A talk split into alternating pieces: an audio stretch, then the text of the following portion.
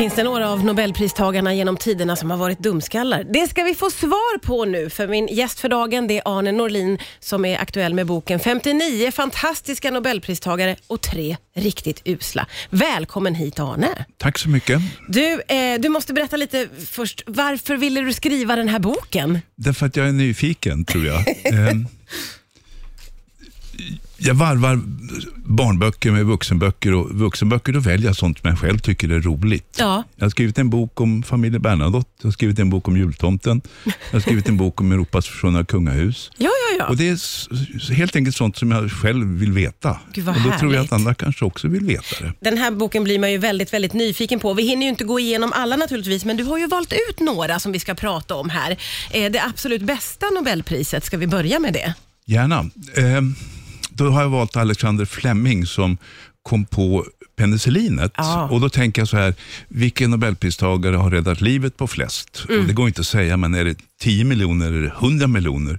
Jag menar, före honom eh, fick man lunginflammation så riskerar man ju dö. Ja. Alla andra inflammationer också. Alla inflammationer kan botas av, av penicillin. Ja. Eh, virus är ju då en, förlåt mig, förkylning är ett virus och då måste man ta, få en spruta istället. Ja, ja just det. Eh, Så det har varit väldigt, väldigt viktigt naturligtvis för, för mänskligheten, absolut. hans upptäckt. Han gjorde det lite av ett misstag, för han åkte på semester och så hade han lämnat sina små skålar som han gjorde prover i eh, kvar och så blåste det in mögel genom fönstret. Och sen när han kom tillbaka efter sina tre veckors semester så upptäckte han att det var tomt där bakterierna hade varit. Nej, Och så var det bara en ring runt omkring. men gud, en då- sån slump. Penicillinbakterien hade, hade verkat. Ja, Tyvärr visste han inte riktigt vad han gjorde. Jo, det kanske han visste, men han, problemet med det var att man måste ha väldigt hög koncentration av den här bakterien och det klarade han inte av. Han var ganska eh, enkel forskare på ett sjukhus i centrala London. Han skrev en rapport i en medicinsk tidning, sen dröjde det 11 år innan några andra forskare i Oxford tog upp hans tråd och fick fram metoder hur man skulle koncentrera penicillinet. Men de vågade heller inte börja bota folk med svåra infektioner Nej, okej. med det. Deras första patient som de försökte på, han hade stuckit sig på en tagg när han fixade sin trädgård. ja. Och då blev han märkbart bättre när han fick penicillinet, men sen hade de inte tillräckligt mycket, så han dog i alla fall. Nej, Alltså en sån enkel sak som att sticka sig då och då blir det en infektion i Ja. såret. så det var mycket, så- mycket slump där får man säga. Vad sa du? Det är mycket slump där vad gäller penicillinet. Absolut. Ja. Men sen lärde de sig då att göra det bättre i USA genom att fermentera det, alltså i sockerlösning så får det jäsa, så kunde de få fram mycket. Ja. Och Det brukar sägas att penicillinet var en av orsakerna till att de allierade vann över tyskarna i andra världskriget. För tyskarna hade aldrig det. Det hade de allierade. Ja, trupperna. ja, ja, ja, ja. ja så det Och sen efter kriget kom sen då att man kunde syntetisera penicillin. Man tog reda på hur molekylen såg ut och sen kan man börja konstgjord antibiotika. ja, just det. Och nu har det ändå gått åt andra hållet så att vi kanske använder lite för Lite mycket. för mycket, ja, ja precis. Ja, ja, men då är det Alexander Fleming som vi startar med här. Eh, vi ska nu prata om det mest beundransvärda Nobelpriset. Vad är det? Jag tänker att det, de som verkligen har riskerat någonting är ju då, tycker jag, värda väldigt mycket. Och Barry Marshall som fick priset i medicin 2015 för att han upptäckte att en bakterie som heter Heliobacter pyrolis orsakar magkatarr och magsår. Han var verksam på forskningsavdelningen på sjukhuset i Perth i västra Australien och Perth är verkligen inte liksom eh, forskningens framkant direkt. Okej. En stad ungefär stor som Göteborg i västra Australien. Och han, jag tror att det är så här att ska man bli lite finare läkare i de anglosaxiska länderna måste man göra en liten, liten uppsats, en liten, liten forskning. Och en äldre kollega tyckte han skulle undersöka den här bakterien. Är det verkligen så att det är magsår och magkatarr orsakas av en bakterie? Men hade inga pengar, hade inga provdjur. För övrigt det går inte att använda provdjur, försöksdjur för det här för att djur får inte magsår. Nej, nej.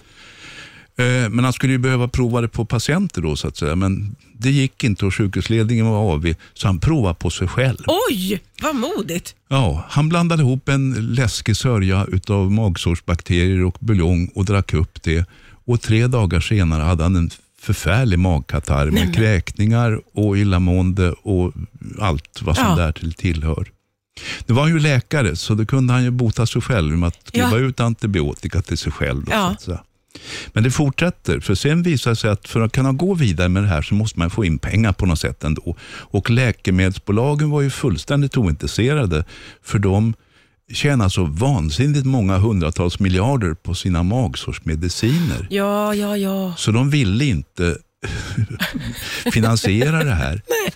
Ja, till slut i alla fall så slog han igenom och sen fick han då Nobelpriset i medicin 2005. Och nu idag när man behandlar magkatarr och magsår så använder man alltid antibiotika, eller nästan alltid Ja, antibiotika. det. Ja.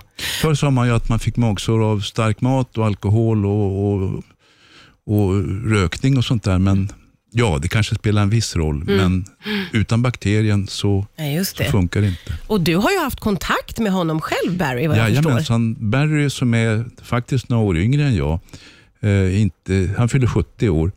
Eh, han svarade glatt på mejl och berättade hur han hade tänkt och hur han hade gjort och så. Ja, Eh, jag, jag, jag ska försöka bläddra här i boken för att och, och, eh, berätta en liten rolighet han sa. ja.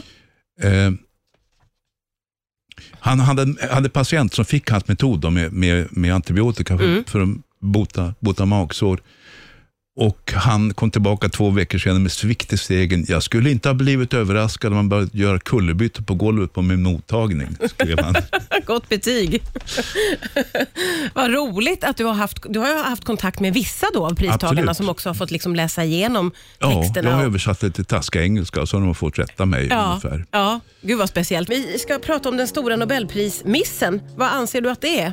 Jo, Lise Meitner, hon var en österrikisk-född judinna som inte fick Nobelpriset i kemi 1944 och det gick istället till hennes samarbetspartner Otto Hahn. De jobbade ihop i Berlin, undersökte atomer och, och, och, och sådana saker. Ja, Eh, hon klarade sig, trots att hon var judinna, till 38, men då blev det här Anschluss när tyskarna gick in i Österrike. Och Då var hon tvungen att fly och på speciella vägar tog hon sig via Holland till Danmark och sen till Sverige. Så från 1938 så var hon i Sverige så att säga. mm. Och när hon var här så skickade denne Otto Hahn henne ett telegram. Som, han hade då bombarderat urankärnor med neutroner. I atomkärnor finns det protoner och neutroner. Protoner är positiva, neutroner har ingen laddning alls. Och Tanken var att han skulle göra ett tyngre ämne än uran. Uran var då det tyngsta ämne man kände till. Mm. Men han var så förundrad, för det hade blivit ett lättare ämne, barium, som hade färre delar i sin kärna då än vad uranet hade. Och han förstod inte hur det här gick till. Nej. Och här i Sverige, när hon var på besök hos en väninna i Göteborg, så kom hon på vad det var. Han har nämligen delat på atomkärnan, så att, och då blivit barium och något mer. Alltså det är det som man gör en atombomb. Ja. Han hade för lite uran för att det skulle bli en stor explosion. ja, han ja. har fått detta lilla exempel. Så hon skrev en förklaring till honom. Hon skrev en egen artikel i eh, tidskriften Nature som förklarade att det här som man sen kallar fission, kärnsprängning alltså. Men bara han fick priset. Och de förklarade med Nobelkommittén då att hon stod inte som undertecknare på hans rapport. Och tro det, för att han hade inte, kunde inte underteckna rapporten med en judinna i Nazityskland. Det är alltså 44 det hände. Va? Ja. Ja. Men hade hon inte kunnat få priset ändå, tycker man ju då. Men då tror man, en del tror, jag tror det är rätt också, att delar av Nobelkommittén gillar inte henne. Dels för att hon var kvinna, Ja. dels för att hon var judinna, Ja. dels för att hon i Sverige konkurrerade lite med de som var ledande i Nobelkommittén på den tiden. Svenska fysiker. Som, hon var kanske till och med duktigare än vad de var. Ja, ja, ja, okej. Så hon fick aldrig något pris. Och de ändå, hon och den här Otto Hahn, de förblev vänner hela livet. Ja, okej. Trots det här. Ja. Han, han hade nog gärna sett att hon fått priset Ja, gud vad också. orättvist det känns. Vi ska lite snabbt också försöka få med det sämsta Nobelpriset, för det är man ju nyfiken på vad du tycker att det är. Ja, jag, jag är inte ensam om det. Egas Moniz, han var portugis som fick priset i medicin 1949 för lobotomin. Ja, Nu ska man komma ihåg att med de här dåliga prisen så finns det en förklaring. Det var ganska eländigt på mentalsjukhusen före honom.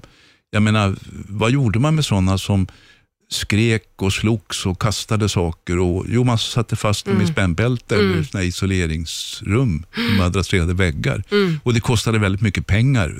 Så. Ja. Här kom man på kanske då en billig och effektiv lösning att, att få folk lugnare och inte så mycket ångest. Det. Man ja. skar av förbindelsen mellan framhjärnan och den storhjärnan, Mm. där känslolivet sitter. Vilket innebär att många av dem blev apatiska grönsaker. Mm. Man brukar mm, tänka på McMurphy, gökboet. Ja, Han ja. blir ju lobotomerad och sitter som en Ja, ja, grönsak i en stol. Ja. Boken den heter alltså 59 fantastiska nobelpristagare och tre riktigt usla. Tusen tack Arne Norlin för att du kom till Rix FM idag.